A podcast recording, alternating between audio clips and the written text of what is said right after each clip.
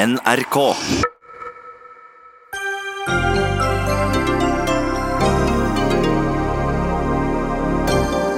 Det er reklame hvis Vinmonopolet informerer om at en vare er en nyhet, mener Helsedirektoratet. Tullete, svarer helsepolitiker. Var det riktig av Aftenposten å invitere den anti-islamske bloggeren Fjordmann inn i spaltene? Et sted må grensa gå for hvem som får spalteplass, sier Vårt Land-redaktør. Harald Eia forklarer den norske kjerneverdien uavhengighet i en ny TV-serie. Men han ser helt bort fra protestantismens viktige påvirkning, protesterer professor Jostein Gripsrud. Og vi må sette en sluttdato for norsk olje- og gassutvinning, foreslår en Høyre-mann på årsmøtet i Vestland Høyre. Sjansen for at det går gjennom er like liten som at det blir regnfri sommer i Bergen, svarer partifelle.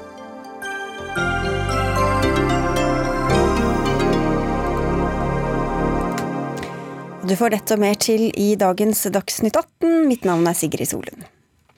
Er du på jakt etter nyheter i Vinmonopolets hyller, kan du risikere å lete forgjeves. Nå kan nemlig ikke polet få merke varene med nettopp nyhet. Det er Helsedirektoratet som har bedt om denne endringa, som skal gjelde både på Vinmonopolet og i taxfree-butikker. Og hvorfor har dere gjort dette, Øyvind Giæver, du er altså avdelingsdirektør i Helsedirektoratet? Ja, bakgrunnen for at vi har gjort dette nå, eh, er at vi har hatt et tilsyn eh, på Vinmonopolet og på taxfree Gardermoen, eh, hvor vi da konstaterte at de har ganske store skilter av nyhetsvarer i hyllene sine alkohollovens uh, reklameforbud er ganske vidt definert, uh, og i utgangspunktet er alle typer faktaopplysninger uh, om produkter gitt i visse situasjoner å anse som alkoholreklame. Og, og, så er det gitt enkelte nærmere definerte unntak fra det forbudet. Og det da kan jeg jo lese fra alkoholforskriften. Det kan gis opplysninger om pris, råvarer, tilvirkning, duft, smak, farge, serveringsmåte, oppbevaring og bruksområder. Ja. Og det er en uttømmende opplisting. Opp, uh, altså det... Så det er ikke anledning da, til å gi andre type produktopplysninger. Nei, for Dere har også diskutert om ord som søt eller økologisk eh, får lov å, å stå, og der konkluderte dere altså annerledes? Ja, eh, da er det vår vurdering at søt er en smak, økologisk er en eh, tilvirkningsmåte, mens nyhet er ingen av delene. Nyhet er snarere tvert imot eh, kanskje det eldste trikset i markedsføringshåndboka. En måte å selge varer på. Men det er vel også et fakta? Ja, men om det er fakta eller ikke, har ikke egentlig noe med dette forbudet å gjøre. Da. Det skiller ikke mellom fakta og andre typer opplysninger. Så lenge det er opplysninger om varen gitt i en salgssituasjon. Men, eh, men hvorfor, hvorfor, skal du da få lov til å bli opplyst om eh, hvis du går inn på nettsidene til, eh, til Polet? Ja, det har vi egentlig ikke tatt stilling til i det hele tatt i denne omgang. Så om det er lov på nettsidene, det har vi ikke vurdert. Og det er ikke sikkert det er det heller, for å si det sånn. Eh, i denne omgang så har vi kun hatt en sak eh, knyttet til nyhetsbegrepet i hyllene. Da. Ok, Men betjeningen får lov å si det hvis man spør har dere noen nye viner inne? Ja, informasjon som er gitt én til én er jo ikke reklame eller eh, massekommunikasjon på noen måte, så det faller ikke under en sånn eh, et reklamebegrep, rett og slett. da. Jeg har lyst til å si også at vi mener jo også at det er ganske gode grunner til Eh, alkohollovens reklameforbud. Eh, alkohol er en av de enkeltfaktorene som eh, forårsaker størst tap av friske leveår i befolkningen. Det går ut også Det er faktisk bare tobakk som forårsaker større helsetap.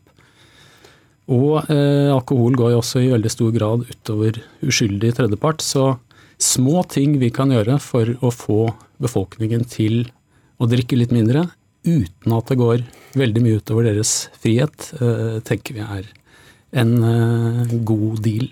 Du, vi skal ta den debatten litt videre, men den skal du få slippe å være med i. Øyvind Gjever, du er altså avdelingsdirektør i Helsedirektoratet. Men det har vakt en viss oppsikt at eh, dette blir presisert. da. Mari Holm Lønseth, du sitter i helse- og omsorgskomiteen på Stortinget og representerer Høyre, og skriver kritisk om dette på NRK Ytring.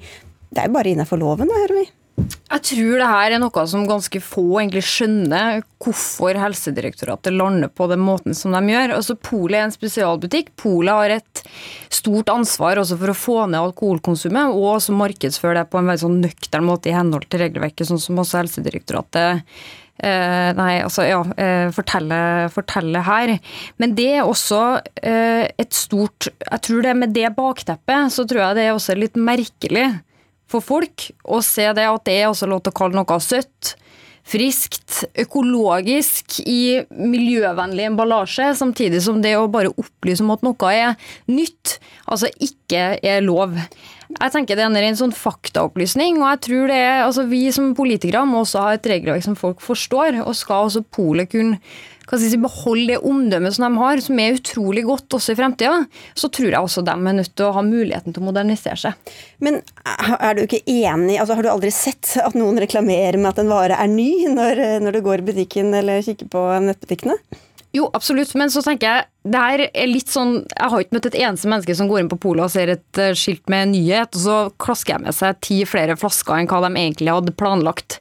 Jeg tror at det her er noe som også etter at jeg skrev den, eh, det innlegget i Ytring, så har jeg fått ganske mange tilbakemeldinger fra helt vanlige forbrukere som forteller at der hadde det vært utrolig fint for meg å få en oversikt over også i butikken. Også at jeg ikke trenger å gå inn på nett for å lese først, hvor det da ikke er slått ned på. Cecilie Widnes, du er generalsekretær i den ruspolitiske organisasjonen IOGT, og stiller deg altså bak eh, beslutninga her fra Helsedirektoratet. Men hvorfor skal man ikke lett bare kunne se hvilke varer som er nye og ikke? Det, altså det kan virke som en liten bagatell, eh, og sikkert for noen uforståelig. Vi har et eh, reklameforbud i Norge med stor oppslutning blant politikere.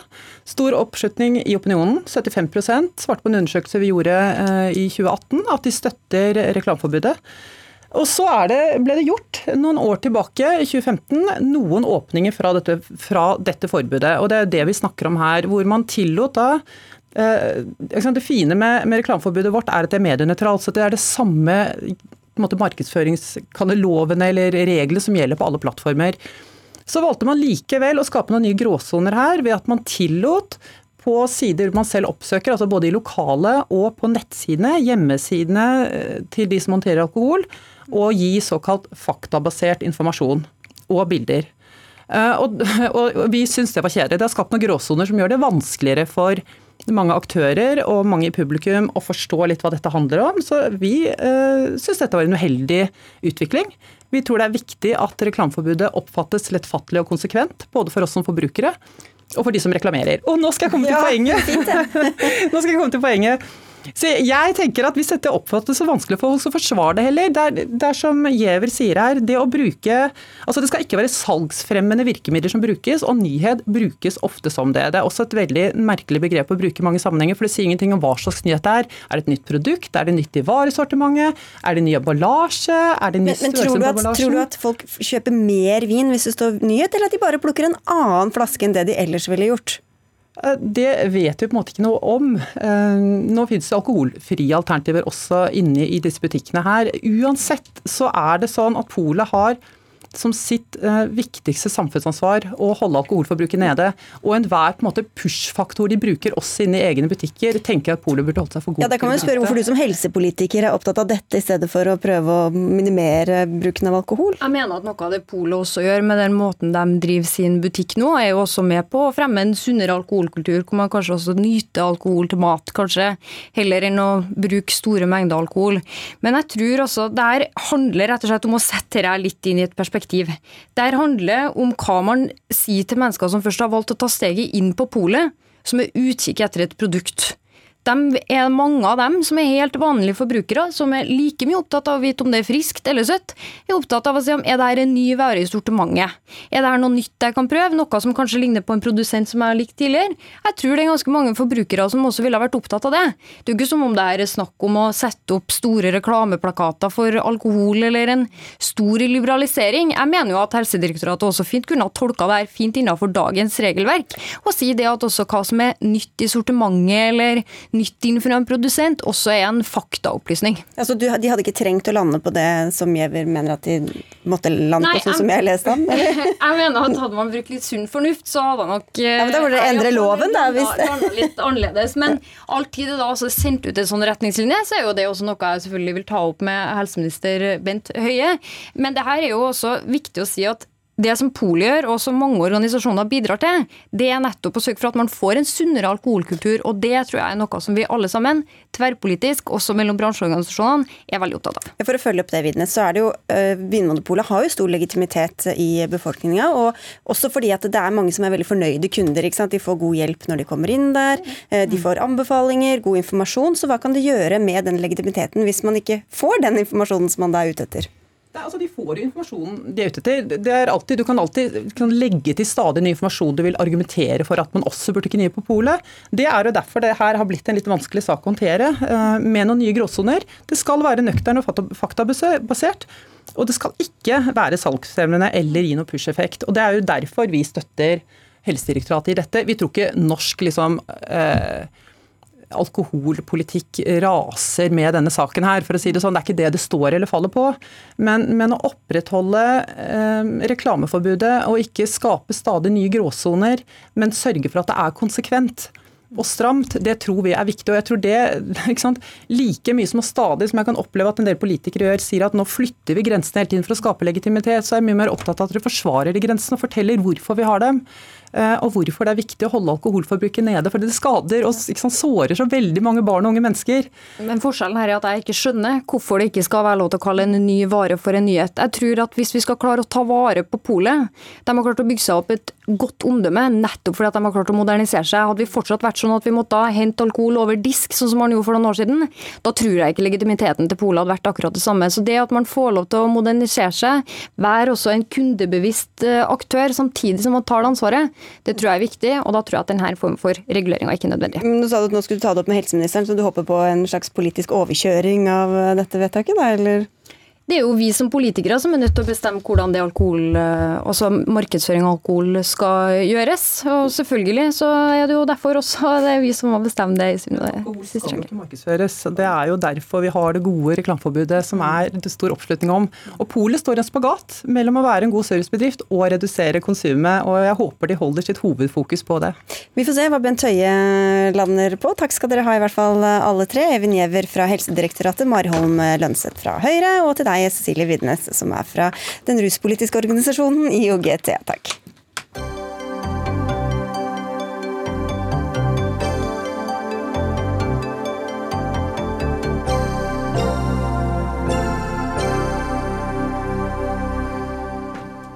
Aftenposten har fått kritikk fra flere hold etter at de inviterte Peder Jensen inn i spaltene. Jensen er kjent under bloggernavnet Fjordmann, og var mye sitert i massedrapsmannen Anders Behring Breiviks skriv, som han distribuerte i forbindelse med terrorangrepene 22.07.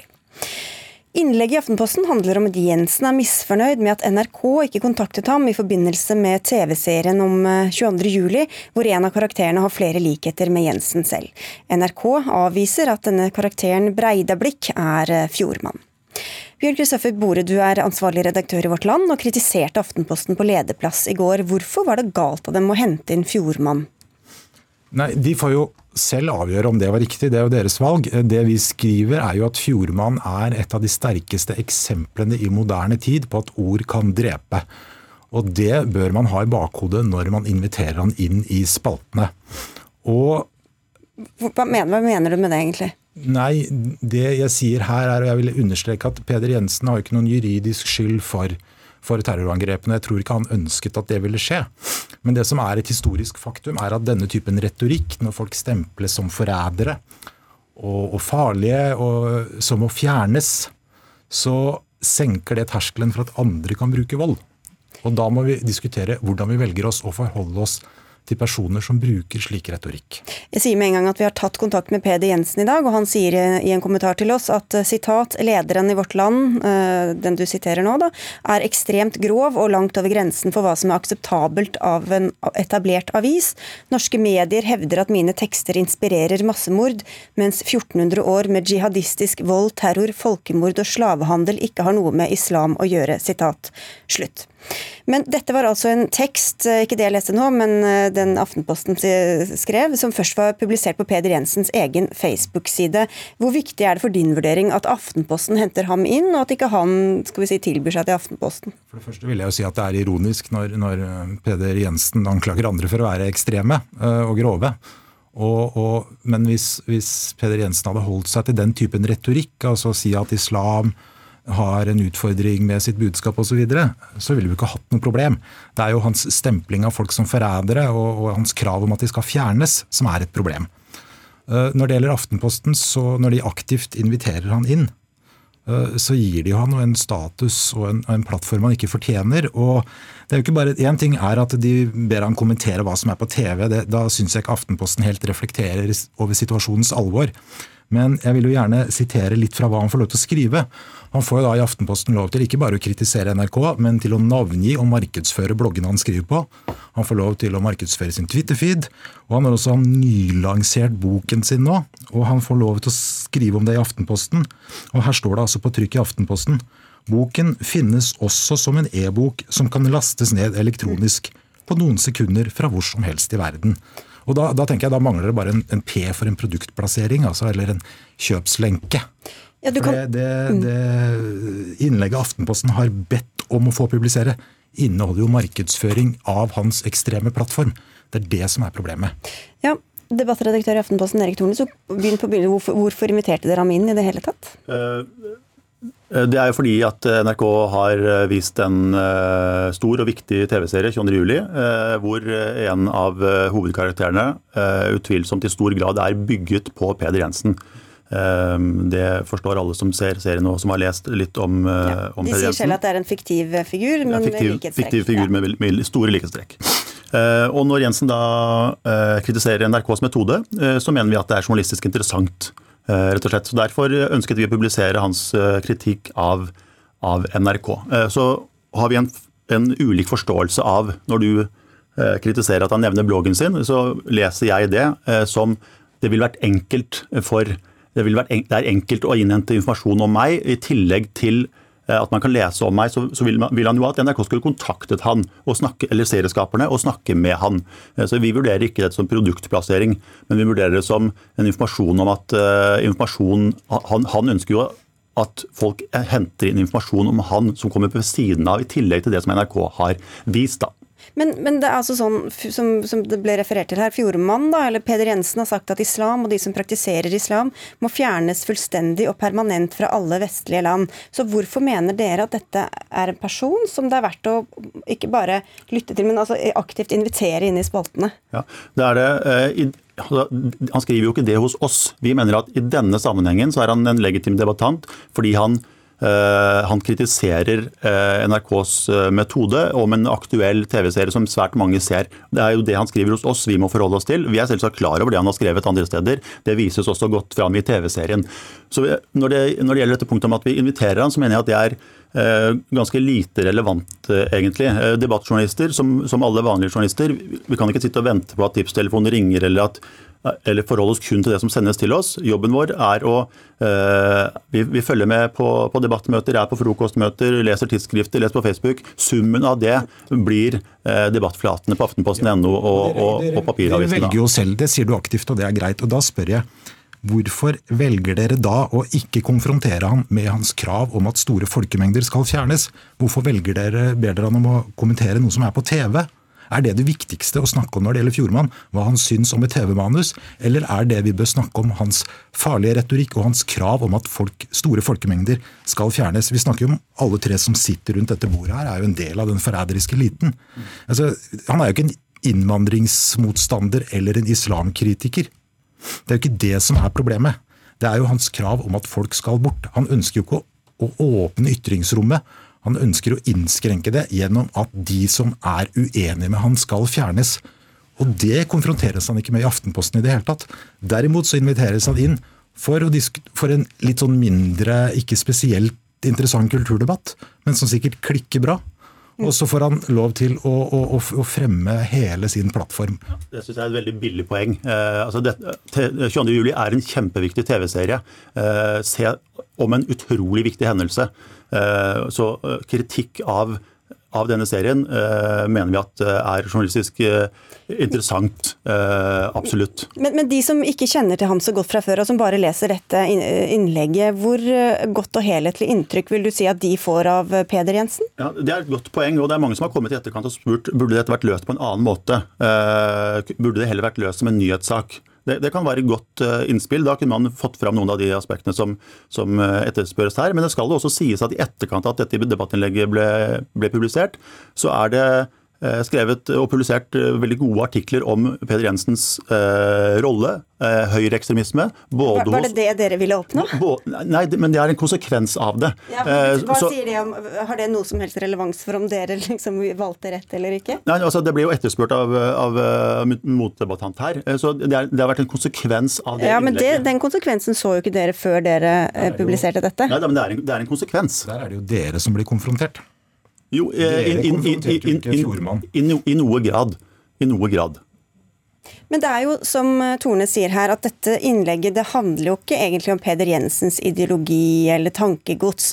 Betyr det at hvis noen Eh, at du ikke vil høre noen om, om én ting, så skal man ikke heller få lov å uttale seg om noen andre ting, eller eh, Bore? Nei, men du, du gir han en annen plass og rolle enn han fortjener.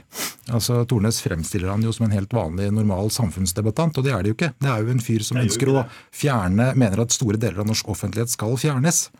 Og, og, Da er det liksom greit å følge han på Facebook og klippe og lime litt derfra og spørre kan ikke du komme og, og, og fortelle litt om den nye boka di.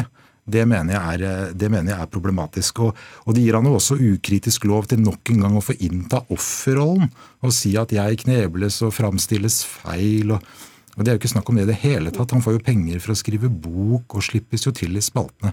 Altså Peder Jensen er jo ikke noe offer i denne saken her.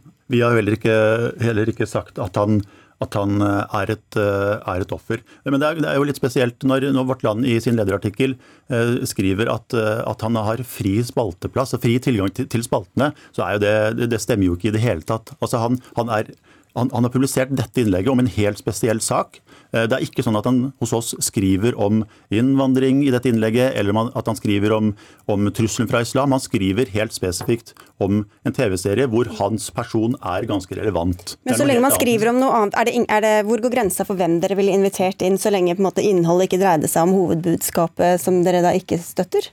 Ja, hvis, hvis Breivik følte seg feil framstilt, da. Hvis, ja. Det, det, det, dette er jo et hypotetisk spørsmål, så vi må forholde oss til det. I dette, i dette tilfellet så mener vi at han er en relevant person, han er en legitim debattant i dette spørsmålet. Han, og det skal jo også legges til grunn her at i 22. juli-serien så dette er jo Breidablikk, da, denne karakteren, eh, viser mye plass. Så, så, hans prosjekt er jo i, i stor grad problematisert allerede i forkant av den debatten. Det må også sies. Men det her jeg mener Aftenposten tar litt mye kontrær tran. Altså Det er jo bra at man ønsker å åpne opp ytringsrommet for, for nye stemmer, men dette er jo en mann som, som, skriver om hvordan blodet vil flyte, og så kaller du han en helt legitim debattant. Det fortsetter å gjøre her i studio. I, i, den, i denne sammenhengen. I denne sammenhengen. ikke sant? Stor forskjell der. Ja, og det, det, smitter på en måte ikke over på hvilken anerkjennelse resten av hans men, men hvorfor skulle han få reklamere for uh, boka si da, Tornes? Altså, boken hans uh, er jo relevant i denne sammenhengen, sammenhengen, mener vi. Så jeg vil si en ting til også. og det er uh, Aftenposten vi har som mål å være en bred debattarena som favner, som favner vidt. Vi, vi, debatter som dette mener vi at det også må være en plass til, bør være en plass til utenom det som er eh, ekkokammeret. Eh, Men samtidig så vet man jo at de som lever i det du kaller et ekkokammer, ønsker jo å bli publisert i tradisjonelle redaktørstyrte medier, nettopp for å bli gitt en, en viss type legitimitet. Hvordan, hvordan har dere, altså Deres egen Frank Rossavik har jo problematisert det i deres egen avis. Hvor sikker føler du deg på at, at, dere, at dere valgte rett, sånn som du gjorde da du publiserte det? Nei, eh, Vi står for publiseringen og mener at det var det rette, rette valget. Og så er det alltid plusser og minuser, eh, minuser ved det. Eh, men, men, det er jo ikke noe sånn at det er jo, det er jo ikke et det er ikke et godkjentstempel på debattanten. Det vi, det vi, vurderer, er teksten. Og hva er aktualiteten, og, og er, det viktig, er, det viktig, i denne sammenhengen?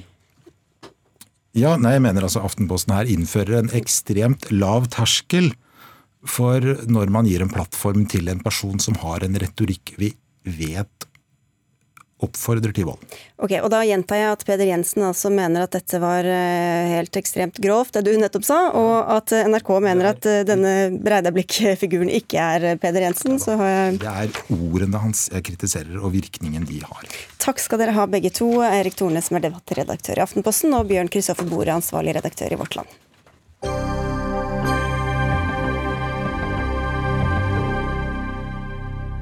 I går gikk den ut fristen for å komme med reaksjoner på forslaget om en egen skatt for fiskeoppdrett, eller grunnrenteskatt på oppdrett, som det heter. Et offentlig oppnevnt utvalg konkluderte med at oppdrettsnæringa bør betale skatt til staten fordi den får utnytte naturressursene langs kysten. I dag er det bare olje- og vannkraftnæringa som betaler en tilsvarende skatt. Næringa har gått kraftig ut mot eh, skatten. Den støtter i stedet et mindretallsforslag fra utvalget, der kommuner som har oppdrettsanlegg kan ta inn en eh, arealavgift. Men denne ordninga har ikke du noen tro på, fungerende fagsjef i Agenda Hanna Gitmark. Du skriver i VG i dag at dette er for godt til å være sant. Forklar oss så vi klarer å følge med hvorfor det er det. Ja, som du var inne på, så er dette en næring som har hatt en vanvittig lønnsomhet de siste eh, årene, og den lønnsomheten har i hovedsak gått til noen få rike eiere. Hvis man ser på Kapitals liste over landets 400 rikeste, så er nesten hver tiende de har tjent pengene sine på oppdrettsnæringen. Og hvorfor tjener de penger? De tjener så mye penger fordi de utnytter våre felles ressurser, altså havet og fisken i havet. I tillegg så tjener de penger fordi staten har gått inn og regulert dette markedet. De deler ut, nå selger de, før delte de ut gratis, konsesjoner eller tillatelser, sånn at det ikke er fritt fram for alle. Og Det gjør også at lønnsomheten øker. og Derfor er lønnsomheten så høy i denne næringen. Og Derfor nedsatte altså regjeringen Solberg et utvalg som foreslo en grunnrentebeskatning av denne næringen. og Det betyr altså at man skal skattlegge næringen mer enn andre næringer fordi at lønnsomheten er så høy at det er en grunnrente der. Og Det er det samme vi gjør med oljenæringen, eksempel, som vi gjorde på 70-tallet. Som gjør at vi har et land hvor oljeinntektene tilfaller hele befolkningen, og ikke noen få rike oljebaroner, sånn som i andre land. Men, men hvis det alternativet er at kommunene skal få disse skattepengene, hvorfor er det så ille, i stedet for at staten skal få det? Havbruksskatteutvalget de foreslår en tredelt modell, hvor kommunene skal få noe gjennom en, en produksjonsavgift som skal avkortes mot selskapsskatten selskapene skal da ikke betale eh, noe mer, men kommunen får en del av det. Sånn at den vil virke som en fordelingsmekanisme mellom stat og kommune. I tillegg så skal staten altså få en grunnrenteskatt som de kan fordele på hele befolkningen eh, over statsbudsjettet. Og, og, I tillegg så foreslår de altså som en del av den tredelte modellen at inntektene fra salg av nye tillatelser skal settes inn i et fond, sånn at det også kommer framtidige generasjoner til gode. Så kommunene skal få noe, hele befolkningen i dag skal få noe, og befolkningen som kommer etter oss skal få noe. Og Det er et mye bedre forslag enn den eh, avgiften som nå næringen etter massivt press plutselig går inn for. Altså gi kommunene en avgift, og De sier ingenting om hvordan den skal se ut, men de sier at den skal være moderat. Men da kan de si at de bidrar til fellesskapet, selv om de ender opp med å betale vekslepenger i en sånn eh, avgift. Ok, Så mye mindre penger til fellesskapet da, med deres modell, Geir Ove Ystmark, du er administrerende direktør i Sjømat Norge.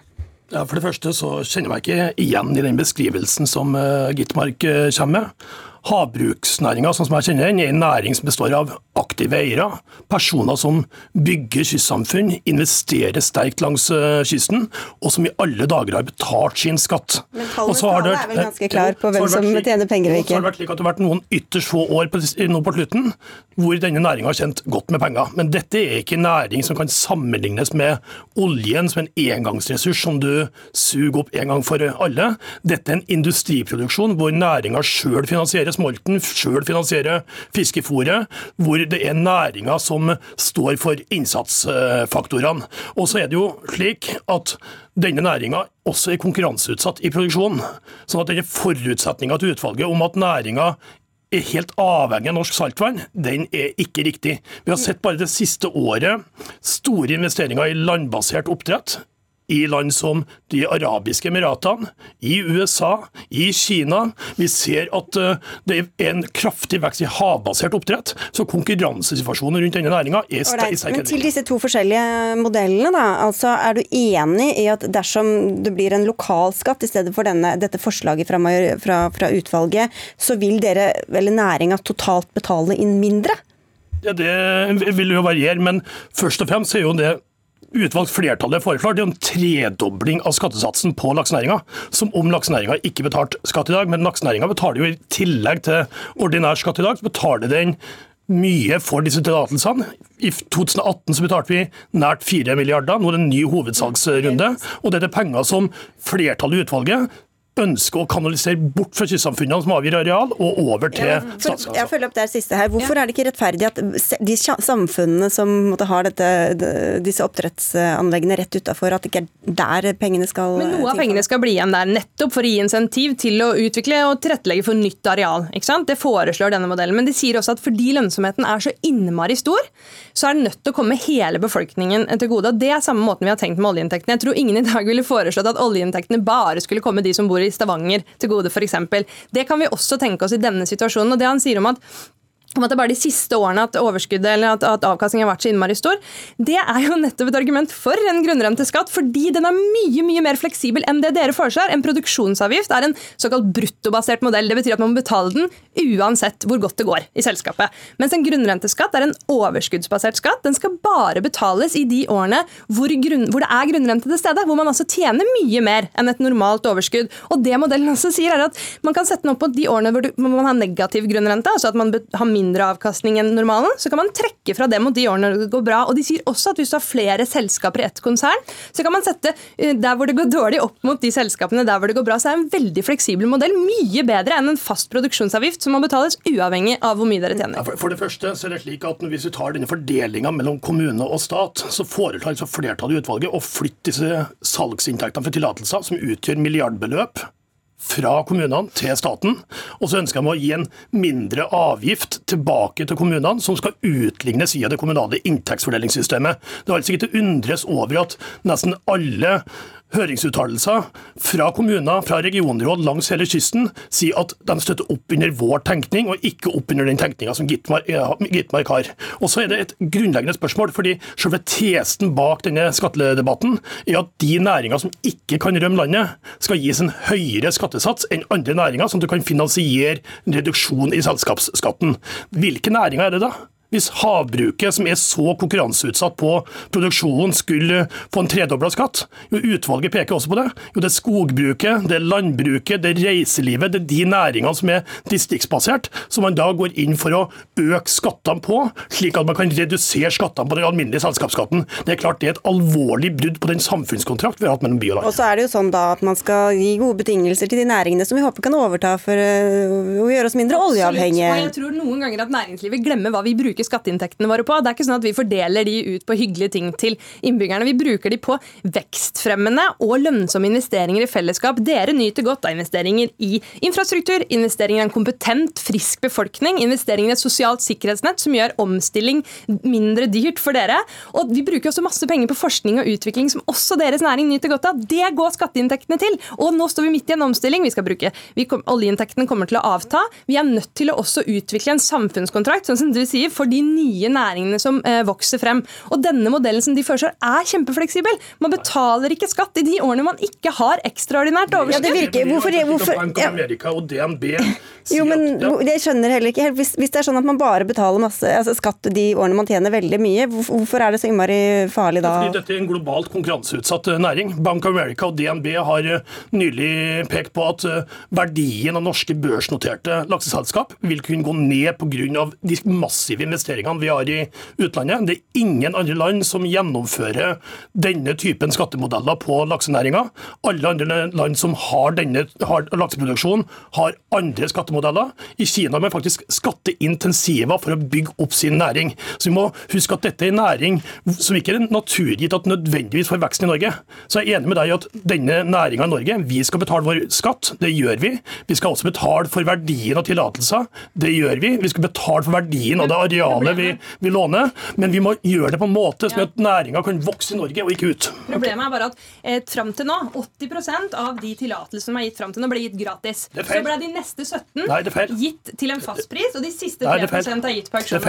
Okay, 90% av alle tillatelser er solgt i annenhåndsmarkedet. Det betyr at 90% av tillatelsene er solgt til markedspris, og det har vi gjort ganske nøye vurderinger på. Dere har altså akseptert premisset om at det er en grunnrente i næringen, fordi dere plutselig har gått inn for, etter massivt press, for en slags lokal avgift avgift. Hvis man aksepterer at det er grunnrente, sånn som det utvalget viser tydelig, så er man nødt til å velge den beste modellen som både gir best rettferdig fordeling og som er mest effektivt. Og det har et utvalg brukt flere måneder på å utrede. Ja, men, men, så vi kan ikke, fordi om det ser ut som om dere nå har inngått og, og, fremmet et kompromissforslag, det er vel og bra, vi skal lytte til næringen, mm. men det må huske på at et bærekraftig, effektivt eh, skattesystem, de har ikke en egen lobbyorganisasjon. Dere, Vi må se hvem de lytter til i Finansdepartementet. De sier til oss i dag at de har fått inn rundt 110 høringsinnspill som de skal gå gjennom før vi konkluderer hva Før de konkluderer hva de gjør videre i saken. Takk skal dere ha begge to, Geir Ove Ystmark i Sjømat Norge, og til deg, Hanna Gitmark fra Agenda.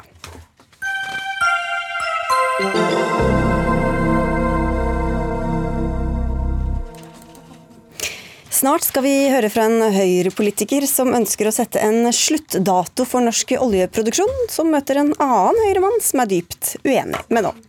Hva er typisk norsk, og hvorfor er vi blitt som vi er blitt? Teoriene er mange og oppfinnsomme, men nå har et NRK-program satt seg for å finne de faktiske svarene. Snart skal vi diskutere om de hopper bukk over et sentralt element, men først programleder og sosiolog Harald Eia.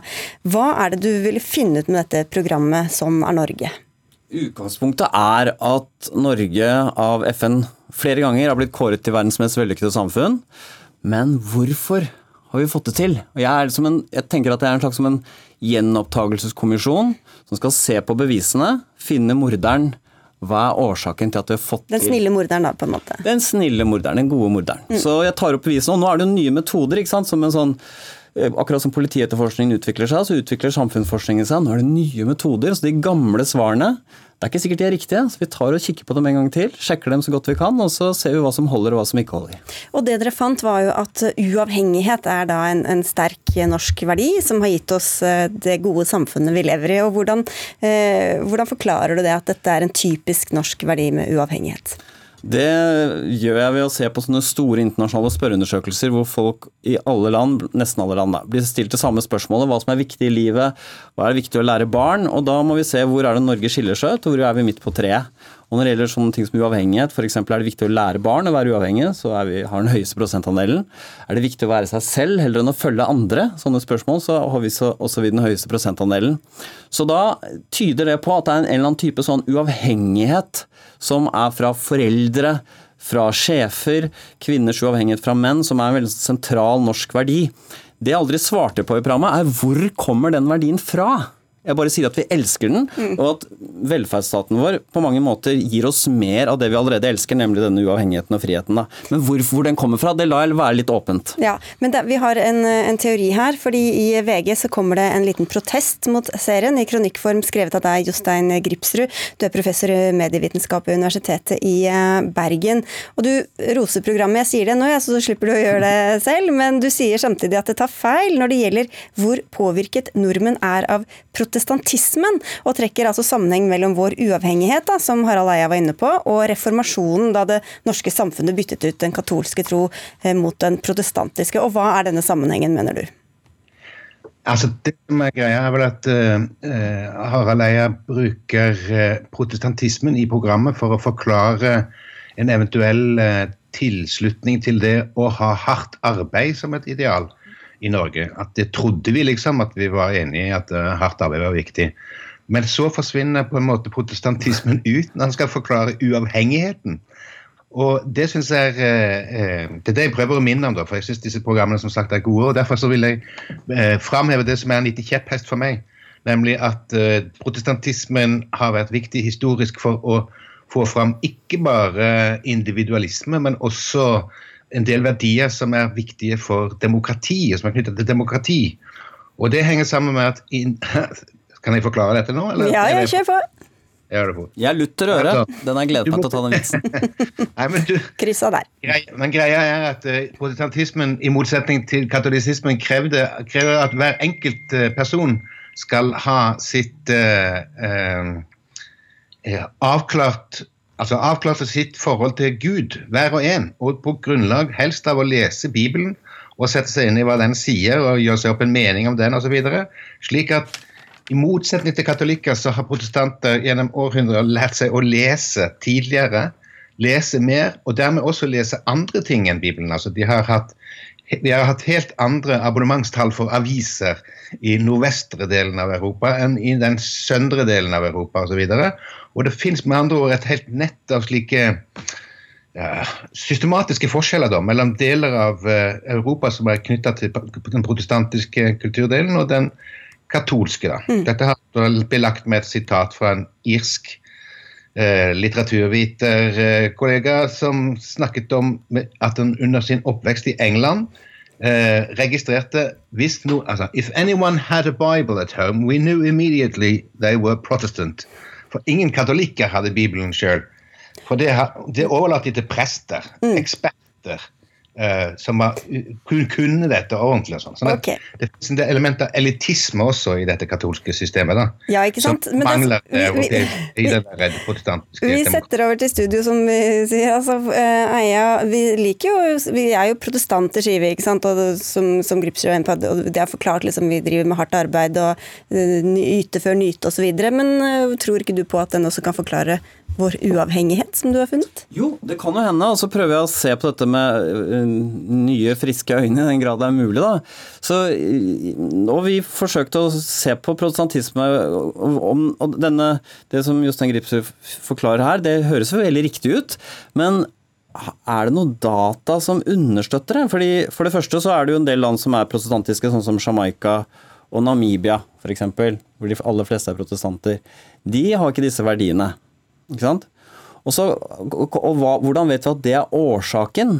Eh, annet enn at vi lager sånne fortellinger som gjør det sannsynlig. Jeg har hørt veldig mange sånne typer sånn Vi har ikke hatt adel, derfor er jeg blitt sånn og sånn. Vi har hatt selveiende bønder. Men hvor er dataene? Så det, mm. det jeg lurer på egentlig, eh, Gripsrud, er hva kan du gi meg som elsker tall og den type statistikk, og ikke bare veldig interessante fortellinger, men harde data? Kan du gi etterforskeren det? Ja, eh, For det første så har vi harde data i form av årstall. Når ble allmueskolen i Norge innført første gang? 1739. Eh, I Frankrike tror jeg den første loven om allmennskole kom i 1881, altså sånn 150 år senere omtrent. Ja, men altså, det, hvordan dette har ført til men, det, andre, som er, men det som er, er er, kanskje i prinsippet litt utfordrende med ditt program, det er jo at du refererer alle disse spennende tallene fra uh, denne verdensomspennende spørreundersøkelsen som er veldig artig. Men du skal forklare dette, og da må du tilbake i historien. og Der finnes, finnes det ikke Det er veldig dårlig med spørreundersøkelser på 1800-tallet som du kan vise til. Det var en bestemt norsk sosiolog som holdt på med en del ting, men eh, ja, men, men, men ellers må du, må resonnere historisk, og det gjorde du også helt utmerket. Ja. Uh, men det fins flere momenter enn protestantismen her som jeg kanskje ville uh, nevne som en vanlig måte som du egentlig er veldig kritisk til, og det er fint i og for seg. Men Xyloteraku i Agenda reiste en gang med toget fra Oslo til Fauske eller noe sånt, og plutselig skjønte han hva som var poenget med Norge. Og det var alle disse gårdsbrukene med liksom én kilometer mellom hvert hus, og ingen tendenser til liksom landsbydannelser og sånn. Så han forsto plutselig noe om norsk eh, samvær og norsk uh, uavhengighet, om du vil, at det også var knytta til en bestemt struktur. Altså, Jeg nevner dette fordi at det er flere momenter enn mm. protestantismen. Det er mange, okay, alltid mange ja, momenter som ikke sant, Så hva som er årsak og hva som er virkning, og hva som har en tredje årsak, det vet du kanskje ikke da, ja, eller? Eh, jo, det er jo gjort forsøk på å studere dette her. Når, de, når man sammenligner land hvor det er mange protestanter og få protestanter og sånn, og ser på mønsteret i verdiene så er det en viss effekt, målt effekt, sånn som jeg, det jeg mener teller som bevis, da. Så er det en viss effekt av protestantisme, men den er ikke så sterk som f.eks. effekten av at man, det er høy utdanning, effekten av at eh, det er et rikt samfunn, at det har sterkere effekt. Fordi, nettopp fordi du har en del fattige land for eksempel, som er protestanter, men ikke har disse verdiene. Mm. Ja, for Gripsrud, altså, Det høres ikke ut som du har indisier engang, hvis vi skal tro eh, Harald Eias uh... Jo da, indisier har han. indisier, ok. Fortellinger og indisier. Men hvordan forklarer du da dette at, at andre protestantiske land overhodet ikke har den samme uavhengigheten som vi har her i Norge, eller setter den høyt, da? Hvilke protestantiske land er det der du tenker på? Jeg tenker på Jamaica, Namibia f.eks. Ja, ja, ok. Men det er jo en, også en kolonihistorie som eh, bringer flere ting inn i verden enn protestantisme. Det er ikke liksom, hvis du først, liksom, når, du, når du ser på Namibia eller, eller, Jamaica, så er det første som slår deg at det er protestanter der. Det kan jeg ikke si har slått meg under min reggae. Ja, men de er det. Jeg, må, jeg prøver å være litt naiv og nærme meg dette helt sånn, sånn nøkternt og vitenskapelig. De er jo protestanter, eh, så hvorfor har de ikke den effekten på dem når de har hatt det på oss? Dere, dette må bli seminarmat. det er en fordel med å tenke Ja. historie. Det er alltid litt lurt. Ok, Det var historiefaget møtte de harde tallene til Harald Eia. Takk skal dere ha, begge to. Jostein Gripsrud og Harald Eia. You're welcome.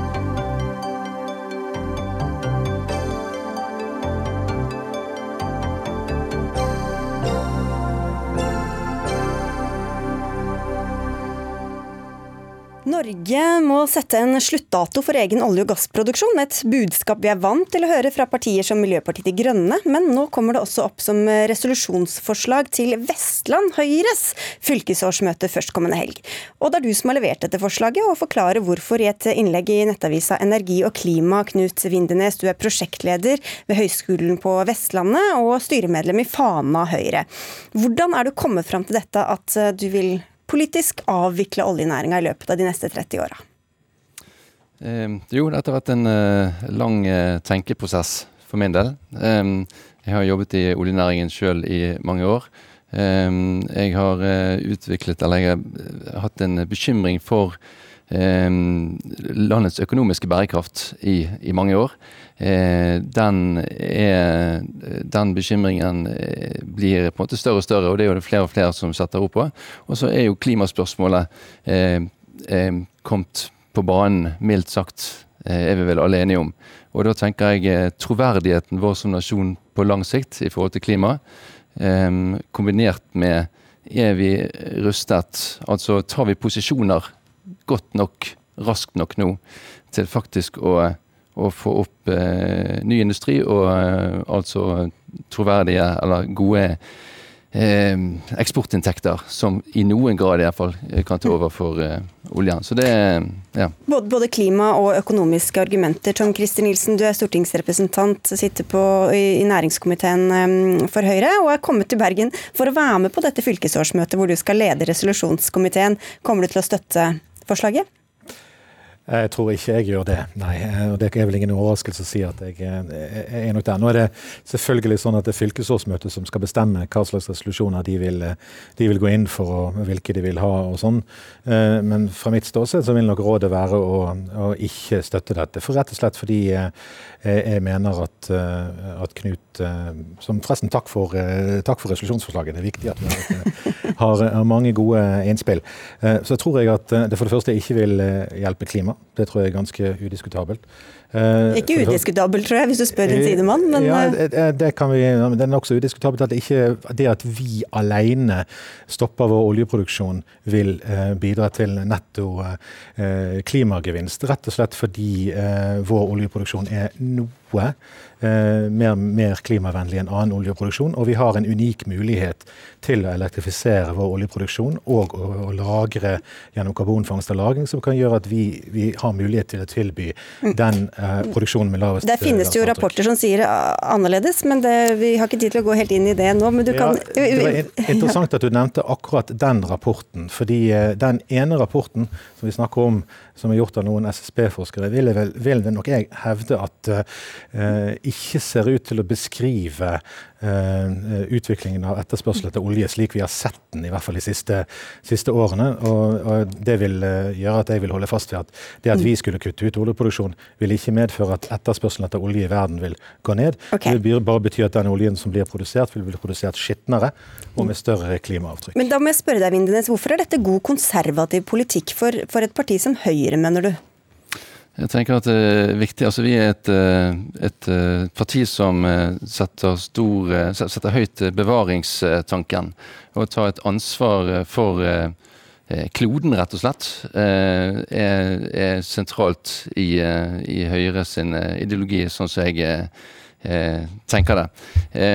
Så vil jeg si at altså klima altså min argumentasjon er litt det at uansett om man, om man, tar klima på alvor eller ikke, så er iallfall klimarisikoen, altså eh, overgangsrisikoen som man eh, kaller det, altså at eh, større og større deler av verden dreier fokuset over mot fornybar. Altså flere og flere banker og fond tar nå etter hvert til orde for og faktisk iverksetter og eh, fase ut investering i fossil energi. Sånn at markedene på en måte eh, innhenter oss, iallfall i det lengre bildet. Ikke om tre år, men i det lengre bildet. Og, det, og det, den uh, utredningen som vi foreslår, det er jo en utredning vi foreslår, ikke å sette en dato som, som så blir stående. Uh, og, altså Vi ønsker å utrede det.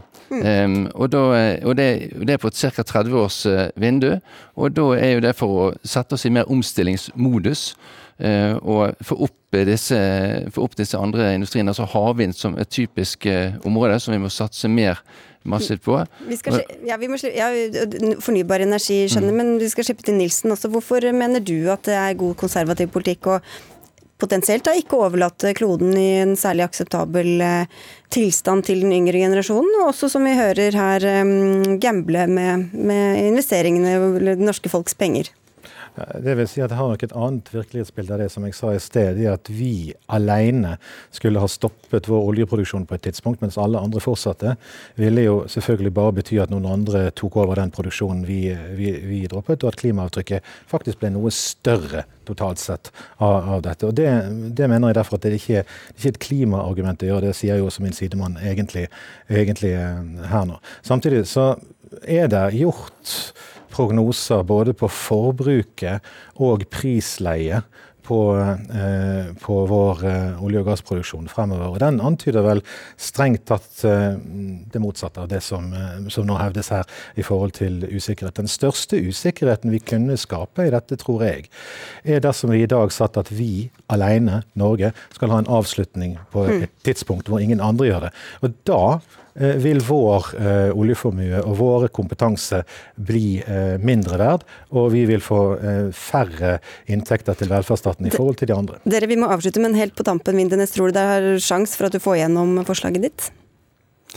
Um, det viktigste er at vi får opp en, eh, en debatt eh, om dette her, og at vi får frem argumentene i en sånn debatt. Og så håper jeg folk ser at det er vel så ansvarlig å tenke en styrt omstilling. Eh, der slutter det du bare en ingrediens eh, i det, som å satse eh, evig på at oljen skal, skal holde. Takk skal dere ha begge to. Vi rekker ikke mer, dessverre. Knut Vindenes og Tom Christer Nilsen, begge fra Høyre.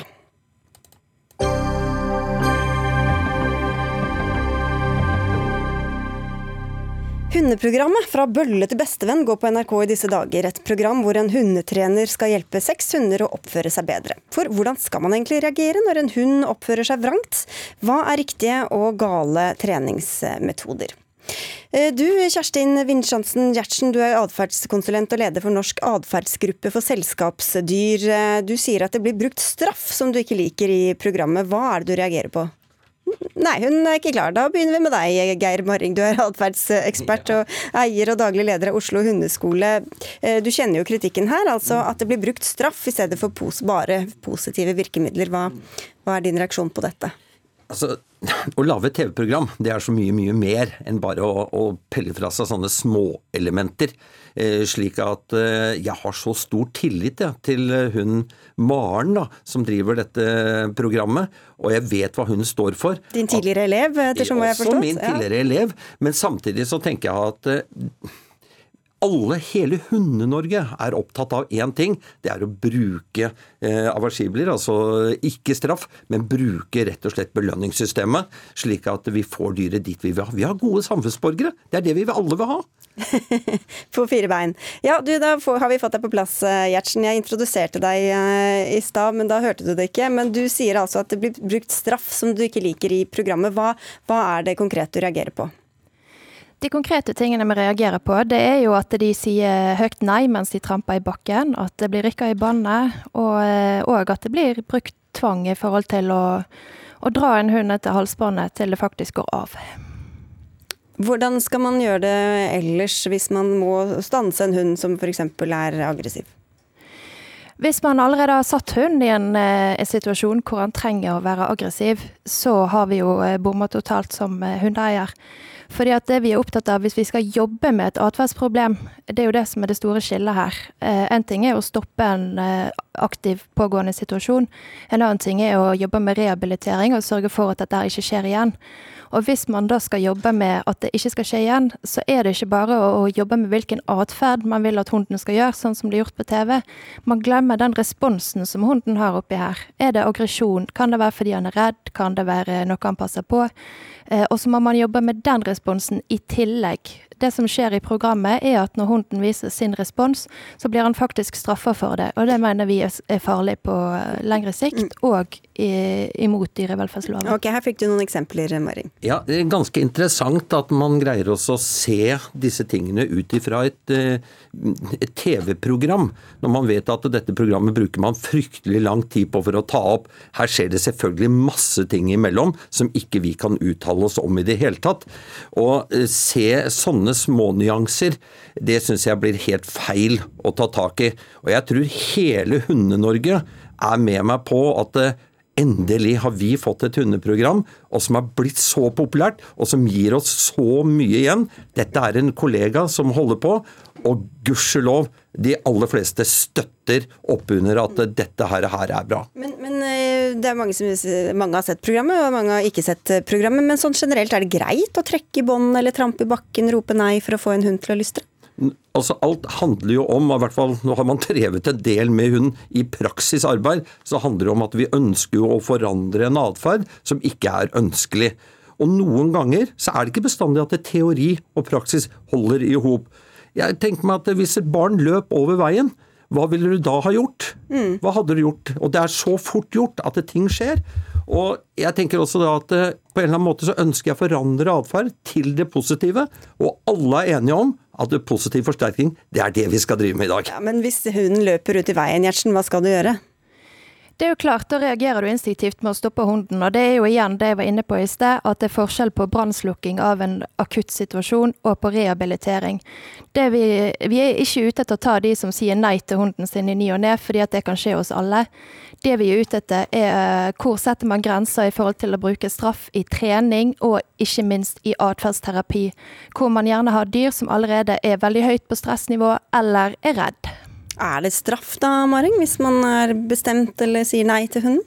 Nei, altså Jeg ser det jo litt sånn at hvis jeg skal stoppe en atferd, og hvis jeg har en høyaktiv hund eh, man kan, altså hører, man kan gjerne kalle det stress hvis man vil det, men det finnes jo mange atferdselementer. Man må spalte disse atferdene for å kunne finne ut hva er det egentlig som dette dyret sliter med, heller at man ønsker å ha det. Og Ut ifra det igjen så belønner jeg den atferden som det jeg ønsker. Og det er jo det som er det vanskelige. Altså det å flisespikke på dette lille tingene som skjer her ute. Det er mye, mye større ting å ta tak i rundt omkring i Dyre-Norge enn å flisespikke på dette programmet her. Vet, hvor, hvor, nyttig tror du det vil være for vanlige hundeeiere Gjertsen, å høre på hva skal jeg si, din oppskrift eller ditt nivå av, av um, krav til hundeeierne når de skal forholde seg til hundene sine? Dette er jo ikke vendt mot de vanlige hundeeiere, dette er jo hovedsakelig vendt mot de som jobber med hund. Eh, at dette ikke skal være bruk i trening og eh, i atferdsmodifiserende tiltak eller atferdsterapi. Men uh, igjen så er det jo forskjell på å Altså, det vi er ute etter, det er jo den store ringvirkningen som dette gir. Fordi at nå har vi sett at de vanlige hundeeiere de begynner allerede å bruke mer straff i treninga fordi de har sett det på TV. Hvordan vet du det? Vi ser det på våre kurs, våre konsultasjoner, mm. så ser vi at folk bruker mer straff. Ok, ja. ja dette må jeg si meg sterkt uenig i. Altså, det har skjedd mer på hundetrening de siste fem åra enn det foregående hundre. Jeg syns klubber, eh, NKK og veldig mange av disse er fantastisk gode, begynte å bli veldig gode. Derfor ligger vi på toppen i lydighetsnivå i verden. Agility, du kan ta Bruks, du kan ta politiet og alt sammen. Jeg syns dette blir litt å sette ting altfor på spissen. Dere, det var det vi rakk i Dagsnytt 18. Takk skal dere ha begge to. Geir Maring, som altså er eh, atferdsekspert og daglig eier av Oslo hundeskole. Og til deg, Kjerstin Vinsjansen Gjertsen, som er atferdskonsulent og leder for Norsk atferdsgruppe for selskapsdyr. Dagsnytt 18 er ved veis ende. Det var Anne Katrine Føhlis som var ansvarlig for sendinga. Finn Lie hadde det tekniske ansvaret. Jeg heter Sigrid Elise Solund, og vi høres og ses igjen i morgen. Takk for følget.